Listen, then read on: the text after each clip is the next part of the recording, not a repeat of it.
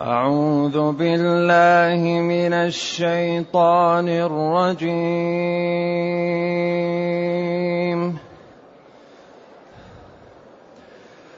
ويوم يعرض الذين كفروا على النار أذهبتم طيباتكم في حياتكم الدنيا. أذهبتم طيباتكم في حياتكم الدنيا.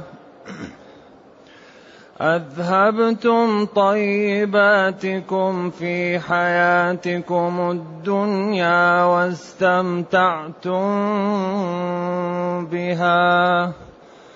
فاليوم تجزون عذاب الهون بما كنتم تستكبرون في الأرض.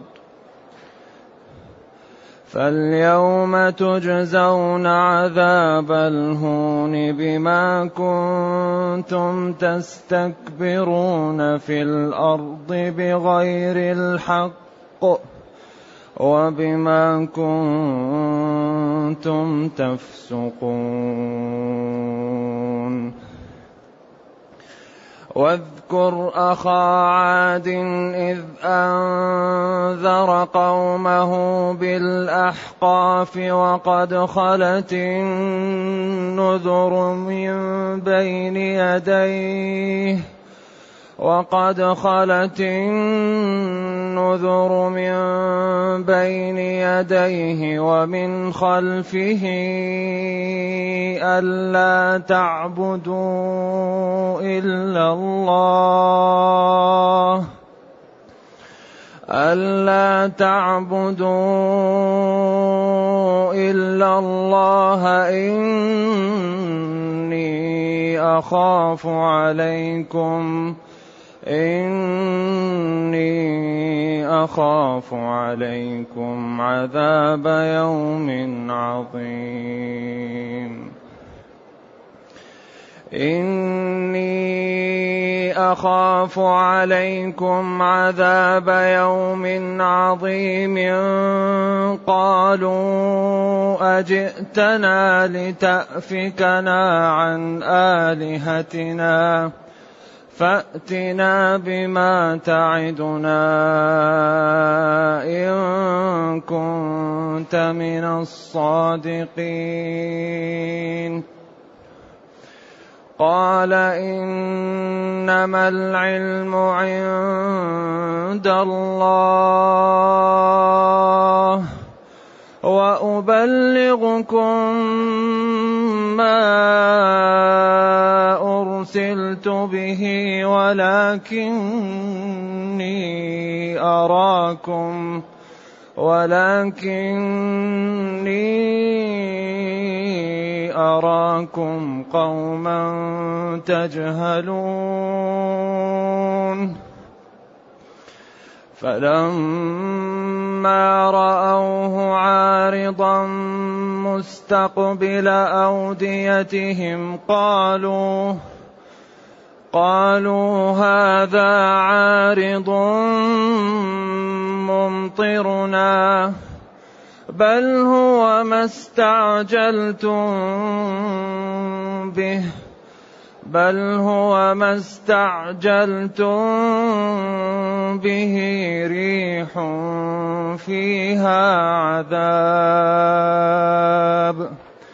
ريح فيها عذاب أليم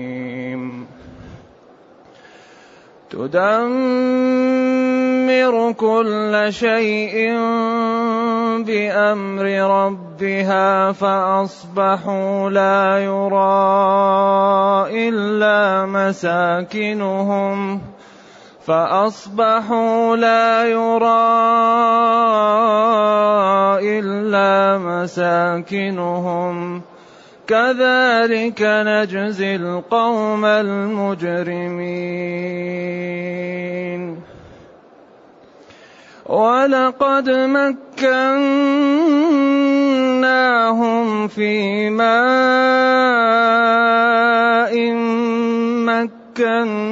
مكناكم فيه وجعلنا لهم سمعا وابصارا وافئده فما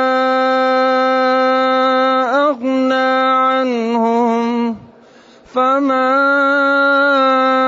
اغنى عنهم سمعهم ولا ابصارهم ولا أبصارهم ولا أفئدتهم ولا أفئدتهم من شيء إذ كانوا يجحدون بآيات الله. إذ كانوا يجحدون بآيات الله وحاق بهم وحاق بهم ما كانوا به يستهزئون. ولقد أهلكنا ما حولكم من القرى وصرفنا الآيات وصرفنا الآيات لعلهم يرجعون فلولا نصرهم الذين اتخذوا من دون الله قربانا آلهة بل ضلوا عنهم بل ضلوا عنهم وذلك إفكهم وذلك إفكهم وما كانوا يفترون.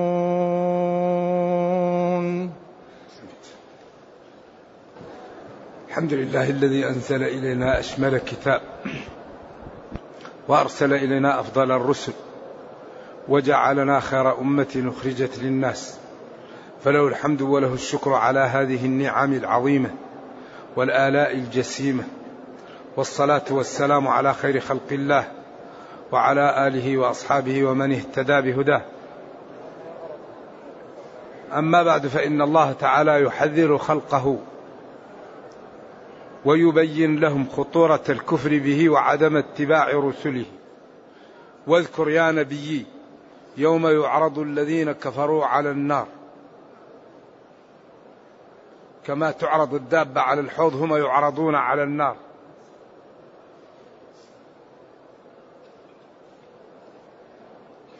ويهيئون إليها ويكون عرضهم من مكان بعيد وبعدين يدفون ويدفعون إليها. ويقال لهم كل متعكم أخذتوها في الدنيا أذهبتم طيباتكم في حياتكم الدنيا واستمتعتم بها. فلم تسهروا في صلاة ولم تعطشوا لصوم ولم تدفعوا من أموالكم ولم تتعبوا في أبدانكم ولم تخافوا ربكم ولم تقولوا يوما ربنا اغفر لنا. وإنما كل متعكم وكل ما عندكم أخذتموه في الدنيا. وتذهبوا للآخرة ولا شيء عندكم. أذهبتم طيباتكم في حياتكم.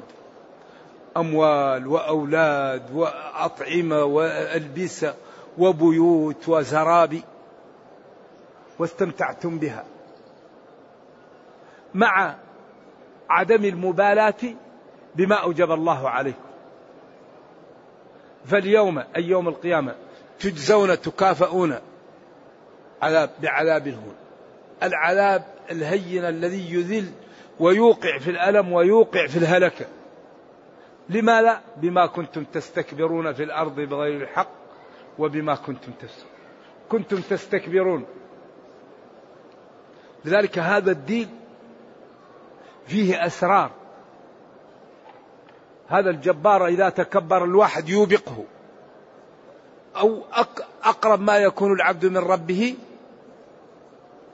وهو ساجد. لأنها صفة تدل على الخضوع تدل على الذل تدل على التواضع. أشرف شيء في الإنسان الوجه يجعله تحت.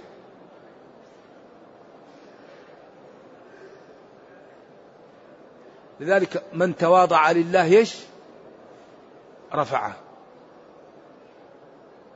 لذلك قالوا كل نعمة يحسد عليها إلا التواضع. لا يجد العبد نعمة إلا حسده عليها الآخرون. إلا التواضع لا يحسد عليه. لا تجد واحد يحسد على أنه متواضع. فاليوم تجزون عذاب الهون بما كنتم تستكبرون في الأرض بغير الحق. بغير الحق صفة كاشفة. لأن الاستكبار لا يكون بالحق. وبما كنتم تفسقون تخرجون عن طاعة الله.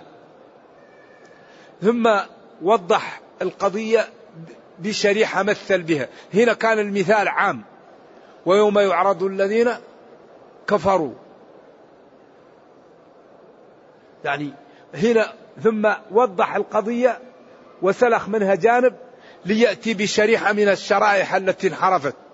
ثم قال واذكر أخا عاد فإنه من هذه الشرائح ومثال لهذه الأمثلة. واذكر يا نبي أخا عاد هود عليه وعلى نبينا الصلاة والسلام إذ أنذر وقت إنذاره لقومه بموقع يسمى الأحقاف وهو بين عمان وحضرموت. والأحقاف جمع حقف وهو الحبل العظيم الملتوي من الرمل يكون أقل من الجبل وهي رمال طويلة وعريضة وكانوا من أقوى الناس وأشدهم. ولذلك التي لم يخلق مثلها في البلاد قالوا من أشد منا قوة. وقد خلت النذور من بين يديه ومن خلفه. وقد جاء جاءت الرسل وماتت قبله وجاءت الرسل وهلكت بعده النذر جمع نذير وهي الرسل خلت يعني مضت وانتهت.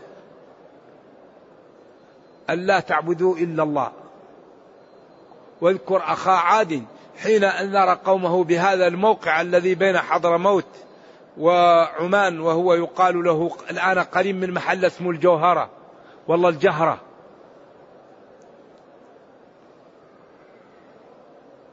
وقيل غير ذلك لكن هذا أقوى ما قيل. وقالت خلت النذر مضت النذر من قبله ومن بعده. وقلنا لهم ألا تعبدوا إلا الله. هؤلاء قال لهم ألا تعبدوا إلا الله. أنه أي الأمر والشأن لا تعبدوا إلا الله. فإنكم إن عبدتم غيره أخاف عليكم عذاب يوم عظيم. هذا المقتضى واضح من السياق. ألا تعبدوا إلا الله. فإنكم إن عبدتم غير الله وأطعتموه فيما هو من حقوق الله أخاف عليكم عذاب يوم عظيم وهو مقداره خمسين ألف سنة. قالوا أجئتنا يا هود. يا عاد يا أيوة يا هود. تقول عاد أجئتنا لتأفكنا لتصرفنا وتصدنا عن آلهتنا أي عن عبادة آلهتنا. قالوا أجئتنا لتأفكنا عن آلهتنا فأتنا بما تعدنا إن كنت من الصادقين. أنت جئتنا لتمنعنا من عبادة آلهتنا وطريقنا. إن كنت صادقا فيما تقول فأتنا بما تخوفنا به. هذا الجهل والتهور وعدم تقدير الأمور بقدرها.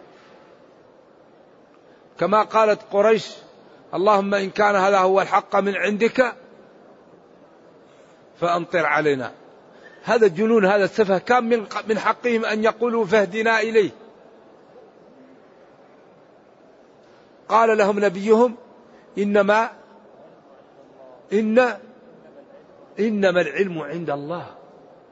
علم ذلك. وهل هو يهلككم عاجلا أو آجلا أو يقدر لكم التوبة؟ إنما العلم عند الله. حقيقة الأمور وما يكون في أواخرها. وفي مآلاتها عند الله.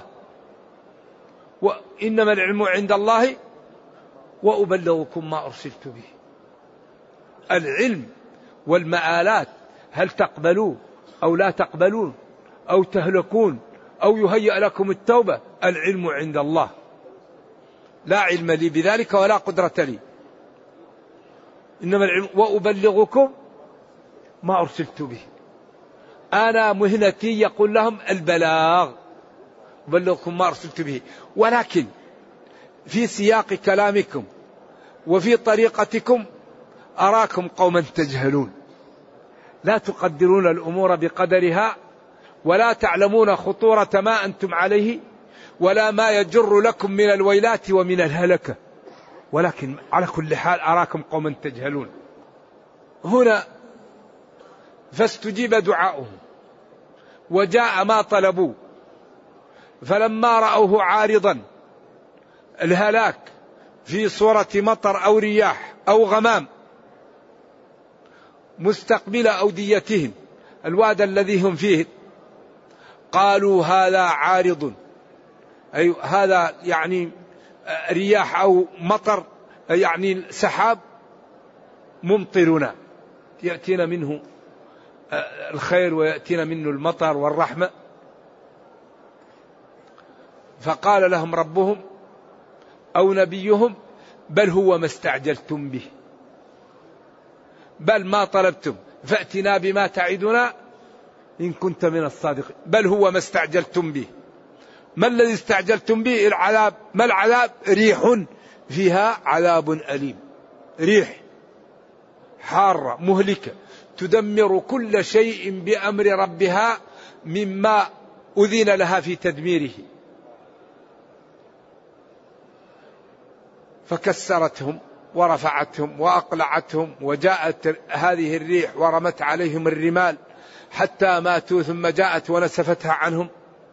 فأصبحوا لا يرى إلا مساكنهم هلكوا جميعا. مثل هذا الجزاء ومثل هذا العمل نكافئ القوم المجرمين الكافرين الخارجين عن طاعة الله تعالى. ولقد مكناهم هؤلاء القوم فيما إن مكناكم فيه يا كفار قريش. وإن هنا للعلماء فيها ثلاثة قول أقوال. قيل شرطية وقيل زائدة وقيل نافية. واختيار الوالد رحمة الله عليه في الأضواء إنها نافية. قال ولقد مكناهم فيما إن مكناكم فيه لأن إن بعد ما الموصولية دائما تأتي نافية وقد تأتي زائدة وقد تأتي شرط أي مكناهم فيه إن مكناكم فيه لهلكتم أو وقع لكم ما وقع لهم. أو ما يقع لهم. أو مكناهم فيما مكناكم فيه وتكون إن صلة. أو مكناهم فيما لم نمكن لكم. وهذا لم يذكر البغوي غير أنها نافية وهذا الذي اختار الوالد في الأضواء وهو الذي قاله كثير. أما كونها شرطية أو زائدة يعني القرآن حمال الوجوه ولكن مرجوح بالنسبة للقول الثالث. وجعلنا لهم سمعا وأبصارا وأفئدة ولكنها لم يستعملوها في شكر الله وفي طاعته ولم يتدبروا فيها فما أغنى عنهم سمعهم ولا أبصارهم ولا أفئدتهم من شيء. وقت كانوا يكذبون بآيات الله ويجحدون بربوبيته وألوهيته. ولذلك امتن الله علينا بموارد العلم لنشكره. امتن الله على الخلق بموارد العلم لتشكره الخليقة. فقال جل وعلا والله أخرجكم من بطون أمهاتكم لا تعلمون شيئا وجعل لكم السمع والأبصار والأفئدة لعلكم تشكرون. أعطانا موارد العلم لنشكر الله. هؤلاء موارد العلم ليستعملوها في طاعة الله. النظر في الحرام سمع الحرام التفكير في الحرام النطق في الحرام. طيب ما لا تفيدهم هذه المنافع؟ لأنهم ما استعملوها في الخير. فما أغنى عنهم سمعهم ولا أبصارهم ولا أفئدتهم من تأكيد زائدة. ما أغنت عنهم شيئا. حين كانوا يكفرون يجحدون بآيات الله. وحل بهم ما كانوا به يستهزئون. إذا ما الحل؟ كيف يكون التدبير؟ كيف يكون النجاة؟ كيف تكون الاستقامة؟ كيف الإنسان ينجو بنفسه؟ شرائح اهتدت ونجت يعرف طرق هدايتها وكيف نجت فيسلك. شرائح هلكت وانحرفت فأوبقت فيعرف ذلك ويتجنب. وبضدها تتميز الأشياء. وتلك الأمثال نضربها للناس وما يعقلها إلا العالمون. لذلك هذا الكتاب لا يبقى معه كفر أبدا القرآن. هذا القرآن إذا بين يرحل الكفر. لأنه نور والكفر ظلام والظلام لا يبقى مع النور. وأنزلنا إليكم نورا مبينا. فحري بنا أن نبين للخليقة هذا النور حتى يرحل الظلام ولا يبقى. ولقد أهلكنا يا قريش ما حولكم من القرى. قوم عاد وقوم هود وقوم شعيب وقوم صالح. وكلهم حول قريش في, الج... في ضواحي الجزيرة. وصرفنا الآيات بينا الآيات ووضحناها من غنى وفقر وعز وذل وصحة ومرض ومن كل الأمور وجهناها على كل جهة وبينا قدرتنا. أتينا بالليل والنهار والشمس والقمر والسماوات والأرض والجبال والبحار والأنهار. وبينا كل الآيات وصرفنا في هذا القرآن من الوعيد ووضحنا. لعلهم يرجعون. بعدين أراد أن يبين سخافة عقولهم وضحالة أفكارهم فهل لا؟ فلولا فهل لا نصرهم؟ هؤلاء الذين يعبدون الأصنام الذين اتخذوا من دون الله قربانا آلهة. فلولا نصرهم الذين اتخذوا من دون الله قربانا آلهة. أي نصرهم هؤلاء الذين يتقربون بهم و و ويؤلهونهم عند احتياجهم لذلك وعند نقطة الصفر. بل ضلوا ذهبوا عنهم وتبرأوا منهم ولم يساعدوهم. وذلك إفكهم الذي كانوا يقولون أنهم ينفعونهم ويساعدونهم ويضرون كذبهم. وما كانوا يفترون وذلك إفكهم. بل ضلوا عنهم وغاب عنهم ما كانوا يكذبون ووقعوا في الورطة ولا من جات منها ولا ناصر ولا معضد. ولذلك الحذر من أن يسلك العاقل هذا المسلك. الحذر الحذر فهذا الإسلام وهذا الدين كامل وكل ما نحتاج إليه موجود فيه. فحري بنا أن نعطيه الوقت وأن نتمثله وأن نفهمه وأن نبين للناس جمال الدين في حياتنا. لأننا في هذه الأيام أحسن ما نعتمد عليه ونهتم به القدوة الحسنة. القدوة القدوة. الدين القدوة. وما أريد أن أخالفكم إلى ما أنهاكم عنه. أتأمرون الناس بالبر وتنسون أنفسكم؟ وأنتم تتلون الكتاب؟ أفلا تعقلون؟ كبر مقتا عند الله أن تقولوا ما لا تفعل نمتثل ونمارس الدين وما أردناه يعطيه لنا ربنا. نمتثل ونمارس الدين وما أردناه يعطيه لنا ربنا. لأنه قادر وكريم وغني ولا يضيع أجر من أحسن عملا. فكل عبد أطاع ربه واستقام على دينه الله يضمن له أمرين. يصلح له دنياه وأخراه. وأي شيء أعظم من أن تصلح للعبد دنياه وأخراه. ولكن هذا لا يكون إلا بالاجتهاد والمكابدة المكابدة. المكابدة. الدين لا يقوى إلا بالمكابدة. والذين جاهدوا فينا لنهدينهم سبلنا. والذين جاهدوا جاهد البصر جاهد اللسان جاهد السمع الرجل اليد البطن الفرد تكابد الدين ينمو جذع الإيمان فيبقى مثل هذا العمود. فتهون عليك الدنيا في رضا الله. لا تنظر إلا إلى رضا الله ولا تخاف إلا من غضب الله ولا تتحرك إلا لأجل الله ولا تتكلم إلا لله ولا تقعد إلا لله ولا تقوم إلا لله. فتكون من عباد الله الصالحين. فما أردته أعطاكه وما خفت منه دفعه عنك. لأنه القادر الغني ولا يضيع أجر. من أحسن عملا ولا ينصرن الله. من ينصره.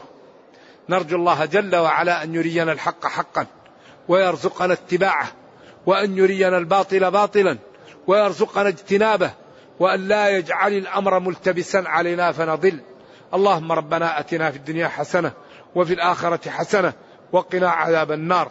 اللهم اختم بالسعادة آجالنا وقرم بالعافية غدونا وآصالنا واجعل إلى جنتك مصيرنا ومآلنا.